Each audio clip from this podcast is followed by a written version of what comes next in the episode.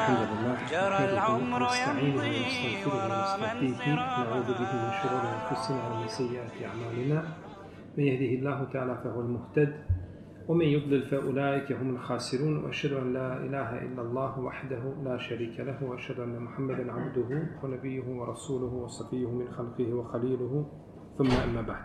عن أبي سيدنا الخدري رضي الله عنه قال سمعت رسول الله صلى الله عليه وسلم يقول إذا صلى أحدكم إلى شيء يستره من الناس فأراد أحد أن يجتاز بين يديه فليدفعه فإن أبى فليقاتله إنما هو الشيطان Od Ebu Sejde al-Hudri radijallahu ta'ala anhu se prenosi da je poslanik sallallahu alaihi wasallam rekao ili kaže čuo sam poslanika sallallahu alaihi wasallam da kaže kada neko od vas bude klanjao prema nečemu što ga zastire od ljudi pa neko bude htio proći ispred njega neka ga priječi a ako odbije neka tada još žešće znači pristupi tom sprječavanju.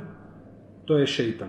O Ebu Sedel Hudriju je bilo ranije govora u poglavlju u poglavlju Ezana.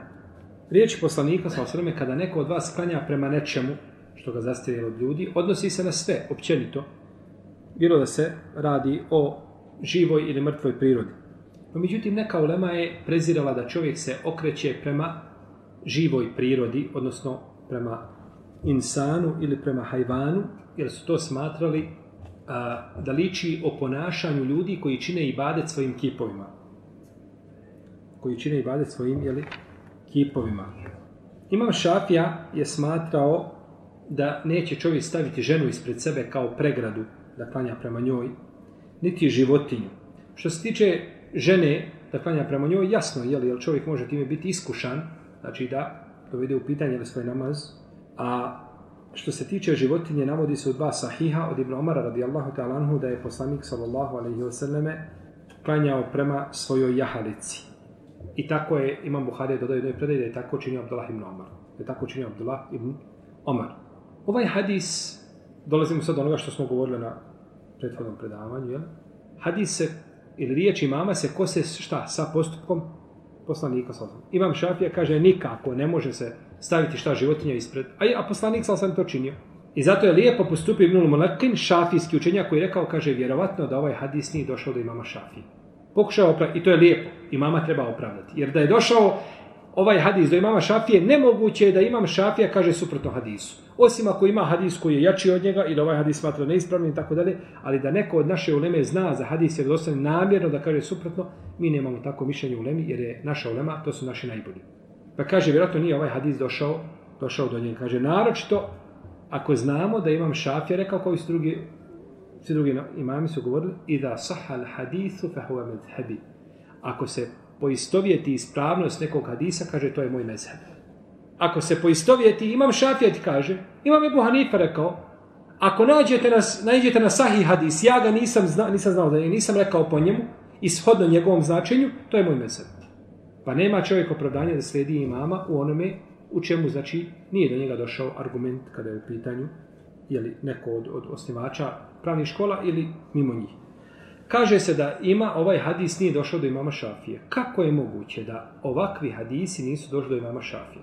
A hadis je kod Buhari i kod muslima. Pa kako moguće da ga imam Šafija nije znao? Kako mu mogao promaći? Ko će mi kazati? Nije imam Šafija neko, i nama kad kažeš da neko od hadisa po pitanju jeli, ti hadisa po pitanju propisa, veliki broj smo ti hadisa čuli, kad neko spominje, kaže, jeste, nekad sam davno čuo taj hadis, možda ne znam njegov tefsir i tako, ali sam čuo za njega. Kako je moguće bili imamo šafi da, da mu prođe ovako bitan hadis? Hadis kod Buhari i kod muslima. Umet se složio na vjerostojnost. Kako je mogao promoći mamu šafi da ga ne zna? Nakon toga su došli Buhari i muslim. 204. 2004. A Buhari 256. A 200 Buhari, a 200? 256. A Muslim 261. Znači, moji, ovi su došli nakon njega. Oni došli nakon njega. Znači, Ivan Šafija živio prije toga. Kudi kamo? Kudi kamo znači živio prije prije ovih imama. Tako da je, jer to zlatno vrijeme za zapisivanje hadisa bilo je nakon smrti mama Šafije. Treće hiđarsko stoljeće. To je bilo zlatno vrijeme. Do imama Šafija imao si mulotu napisanu, imam Šafija nešto pripisao džamija od Mamar ibn Rašida koja je bila, ili neko znači od uleme koje je ranije pisano, međutim, Buharija, Muslim, Nesai, Tirmizi, Ebu Davud, Ibn Mađe, uh, ovaj, to su sve, to sve došlo nakon toga. Ima Mahmed njegov Musned. Sve je to došlo, znači, nakon toga.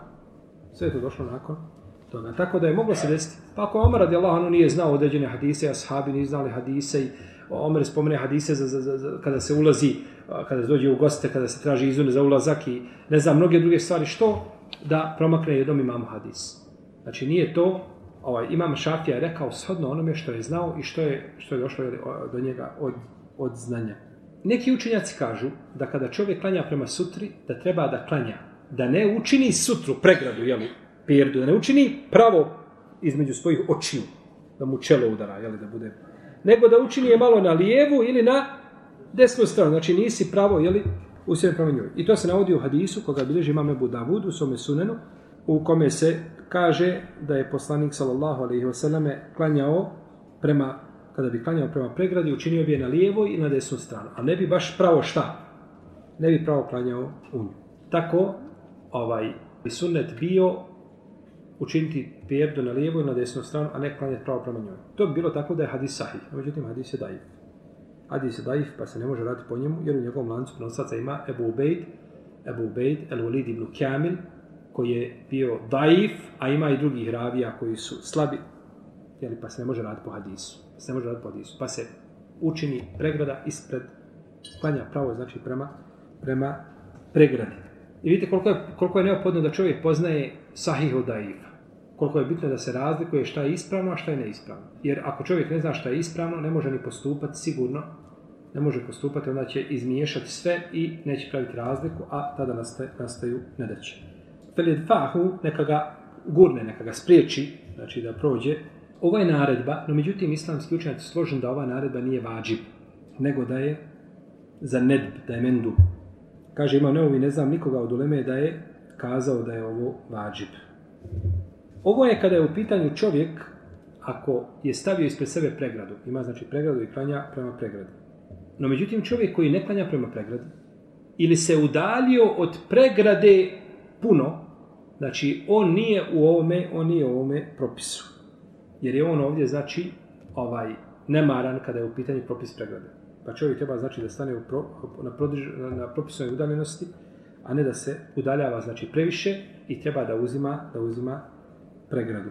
Jer kad je Jalb kaže, Olema je složena da čovjek ne smije koračati napred da čovjeka spriječi. Ti klanjaš nasred džamije, bez pregrade.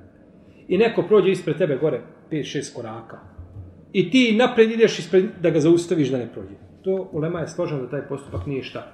Taj postupak nije ispravan i da nije dozvoljen. Jer je to hodanje puno veće za čovjeka i za njegov namaz nego šta da neko prođe ispred njega na 4 ili 5 metara nego onako klanja na tom mjestu, pa će neko da prođe, neka prođe toliko koliko ga ruko može zaustaviti. Ali da ide, znači da hoda prema njemu, to neće, to neće činiti. Zato je čovjeku naređeno da stane blizu preglede. Voli jednu minha, da se približi šta blizu preglede, znači da se ne udaljava od nje. Kaže imam Buhari u svome sahihu poglavlje koliko treba biti između klanjača i preglede. Pa je navio hadis Sehla ibn Sada, da je između poslanikovog sa osam mjesta gdje je klanjao i zida, da je bilo koliko može proći ovca. Kaže Ibn Salah, a ovca treba tri podlakta, treba tri metra, treba metar i pol. Je to za puno ovcu ili malo? To ne znamo ako ima nekakve hibridne ovce, velike, to je drugo. No međutim, ovca, znači normalna, treba puno manje od toga. Pa ovdje kada je rekao da su tri podlaktice, znači da je, da je bila, ovaj, da su tri podlaktice, to jeste, a, odnosno podlaktica je bila između mjesta gdje je poslanik sa osaname klanjao, gdje je spustao čelo na sečtu i zida. E, tu je bila podlaktica. Pa čovjek kada stane i klanja prema pregradi, treba kada učini sečdu da mu još do pregrade ima podlaktica. To je sunnet. A na dvije druge podlaktice čini sečdu. Njegovo tijelo, metar mu treba. I tako biva on udaljen od zida tri podlagice i tako je došlo od poslanika sa da je klanjao u Kjabi i da između njega i zida da su bila tri podlaktice. Između njega sa osam i zida da su bila tri podlaktice, a ne više od toga. A, imam el-Hattabi, Ebu Suleiman, spomnio u svome dijelu me Alimu Sunan, kaže da jedne prilike ima mali klanjao u džami i bio daleko od pregrade. i prošao je čovjek pored njega, ne zna imama Malika, pa mu kaže Ja, ejuhel musalli, udnu mi sutratik Kaže, klanjaču, kaže, približi se svojoj sutri. A on ne zna imama Malika. Pa ima Malik krenuo napred korak, dva, tri da se približi, a u tom momentu učio ajet وَعَلَّمَكَ مَا لَمْ تَكُنْ تَعْلَمْ وَكَانَ فَضْلُ اللَّهِ وَكَانَ فَضْلُ اللَّهِ عَلَيْكَ عَظِيمًا Proučio ajeti sure Nisa i poučio te, kaže Allah onome što ne znaš, Allahova milost prema tebi je velika. Rahimahullahu ta'ala. Pa je znači, ovaj, spominjala ovo kao, kao e, lijepu anegdotu, jer kada je u pitanju sutra, pa ima Malik približio, nije rekao, približio namaz, rekao, e, dođi malo, znaš ti ko sam ja? Nego, znači, kada je učio svoju grešku, kaže, u kemalem tekun ta'lem, bo kane fadlu Allahi alejke azim. Kaže sahibu Kitab il Qabes, jer komentar Malikove muvete, spriječit će čovjeka ako prolazi na mjesto, znači gdje on čini seđdu ili do sutre. A ako prelazi iza toga, iza sutre ili iza mjesta gdje čini seđdu, ako čovjek nema sutre, onda ga neće sprečavati. Onda ga neće sprečavati. I ulema je složna ovdje da ovo sprečavanje, da za ovo sprečavanje čovjek ne koristi oružje. Ne hladno, niti vatreno. Ništa. Feli u katilhu, rečeno, neka ga ubija, neka se bori protiv njega. No, međutim, to se misli znači na žestinu zaustavljanja a, ovoga, jeli, čovjeka koji želi proći. Jer je krv muslimana, jeli, sveta. I zato imam Kurtobi žestoko osudio neke ambelijske učenjake, njihova mišljenja kada je rekao, kaže, i neka, kaže, neka niko ne gleda, kaže, na mišljenja potonjih generacija ili učenjaka iz tih generacija, kaže, koji nisu razumjeli ni jedno pravilo šerijata, niti ovaj a, a, mudrost njegovu. Znači, osudio je neka raz, a, pogrešna, znači, satana kada je u pitanju, jeli, sutra. I ulema se razilazi šta, bi, šta ako bi se desilo da čovjek gurne nekoga pa da ga povrijedi gurneš čovjeka, on poće da prođe, ti ne daš i ti ga gurneš i on šta? Padne i povrijedi se. Šta je s njega? Da li treba se, ako se desi da, da čovjek pogine, da li treba krvarina? Ako se desi da, da, da, da nešto povrijedi od tijela, da li treba platiti i tako dalje. I tu postoje dva mezheba, neki kažu da treba da se plati krvarina. I navode od Osmana radijallahu ta'ala anhu, da je došao čovjek do njega koji je tako prolazio ispred klanjača, pa ga ovaj gurnuo, pa je slomio nos. Pa ovo islomio pa je došao kod Osmana, pa Osman rekao, kaže da se ga pustio da prođe, bilo bolje. Ali nije tražio da plati šta? Krvaniru. Čovjek može zaista tako, znači kada bi došlo, znači ovaj, uh, ovo kako došlo od istali, fahu neka ga gurne, znači da čovjeka gurneš, da čovjek klaneš negdje na otvorenom, da čovjek padne, da se slomi i tako dalje, se povrijedi, ovaj, on je taj koji pristupa. Kao onaj koji prolazi i, i, i zaviruje ti u kuću. Nadviruje se nad prozor. Da mu nešto učiniš, ne bi morao šta? Platiti mu, je tako? da mu oko izbiješ, ništa nema. Jer je ovaj čovjek dužan da obara pogleda, ne da se nadiruje znači, na prozore ovaj ljudi. Zato se kaže u hadisu, ovaj, el imamu damin, on mu edinu temenun. Imam je, on je odgovoran za namaz, a mujezin je pod emanetom. Kaže neka olema da je pod emanetom, zato što mujezin kad uči jedan sa visokog mjesta, on gleda u kuće ljudi od ozga, tako. I uvijek se može vidjeti, znači, to je bilo jeli, u, u vrijeme poslanika, sa osvijem dana, danas je dana ostalo to, jeli, taj, taj običaj kod pa oni nemaju ku, krovova kao mi, jeli, nemaju potrebe za njima. Ovaj. Pa se može vidjeti, znači, avret kuća, može se vidjeti nešto što je u kućama. Pa imam, kada se popnemo jezin, gore se boji Allaha i da uči jezan i da ne gleda tamo gdje ne bi smio, šta? Ne bi smio gledati. Zato danas u arapskim zemljama, ovaj, mnogim ne smijete imati dvogled. Ne smiješ imati dvogled iz prozora ti gledati nešto. To je policija da ti vidi odmah u zatvor. Ti uzmeš pogled i sjediš na, na, na, na prozor i a, komšiluk tamo posmatraš. Ovaj, hoće li se nešto... I dok se to, dok se, ako se neko vidi odmah ga, jel, u zatvor. To su ostaci, ostaci šarijeta. Ali vidite kako su lijepi.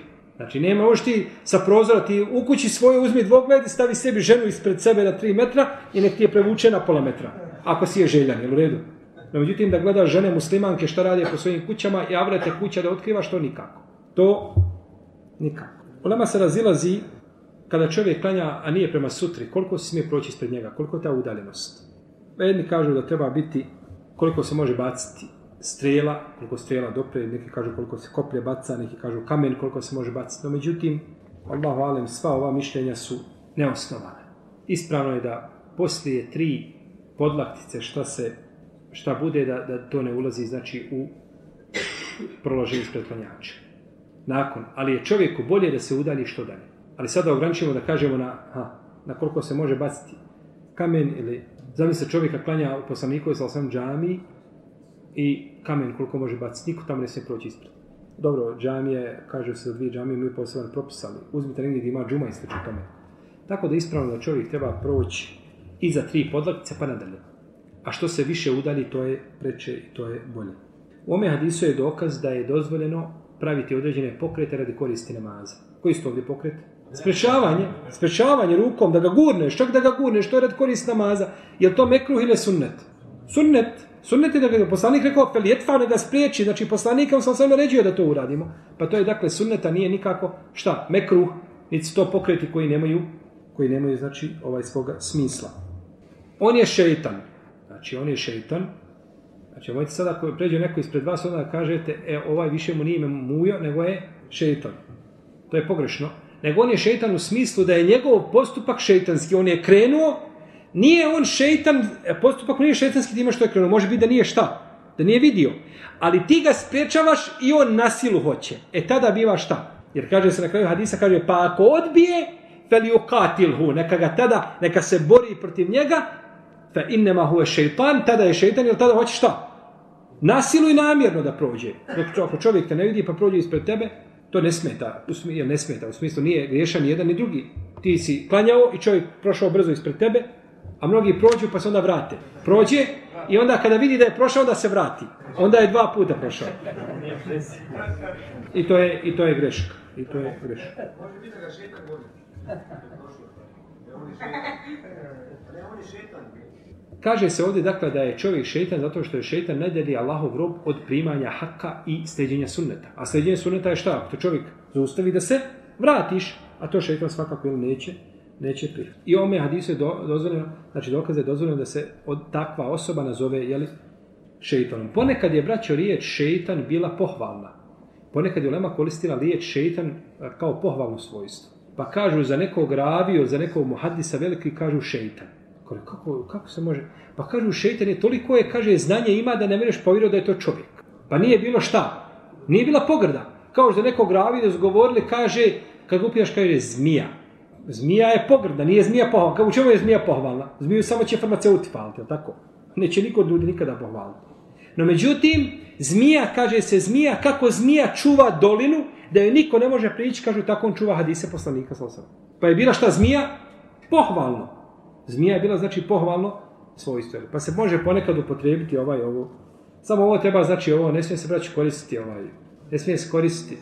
Jer u arapskom jeziku riječ kezebe znači laže. Kezebe znači laže. Ali kezebe može značiti ahpa, pogriješio je. Pa Ajša kaže nekad ponekad za ashabe, kaže kezebe. Slagao je. Ti čitaš kako Ajša mogla li da Ibn Omer laže? Ili da Abdullah Ibn Omer laže? Ma nije misla laže, nego to je kod Hidžazija, znači šta? Pogriješio je. No međutim, ne možeš ti danas doći ovaj Arapu i da mu kažeš. Kažeš, pa ne, to ima značenje i pogriješio se. To je, to je neispravno. Jer u običajnom pravu je značenje, znači jedno, a to je da je čovjek rekao neistinu. I ome hadisu je dokaz, znači, kakvo mjesto ima namaz u islamu, i da čovjek kada je pred svojim gospodarom te barake od teala, a da ne smije biti znači ometan ničim i da treba sve znači ukloniti sve što čovjeka odvodi odvodi od namaza. Ovo bi bio drugi hadis koji govori o sutri. Hadis Ebu Sejder Hudri, Allah ta'ala, alam, sallallahu alaihi wa.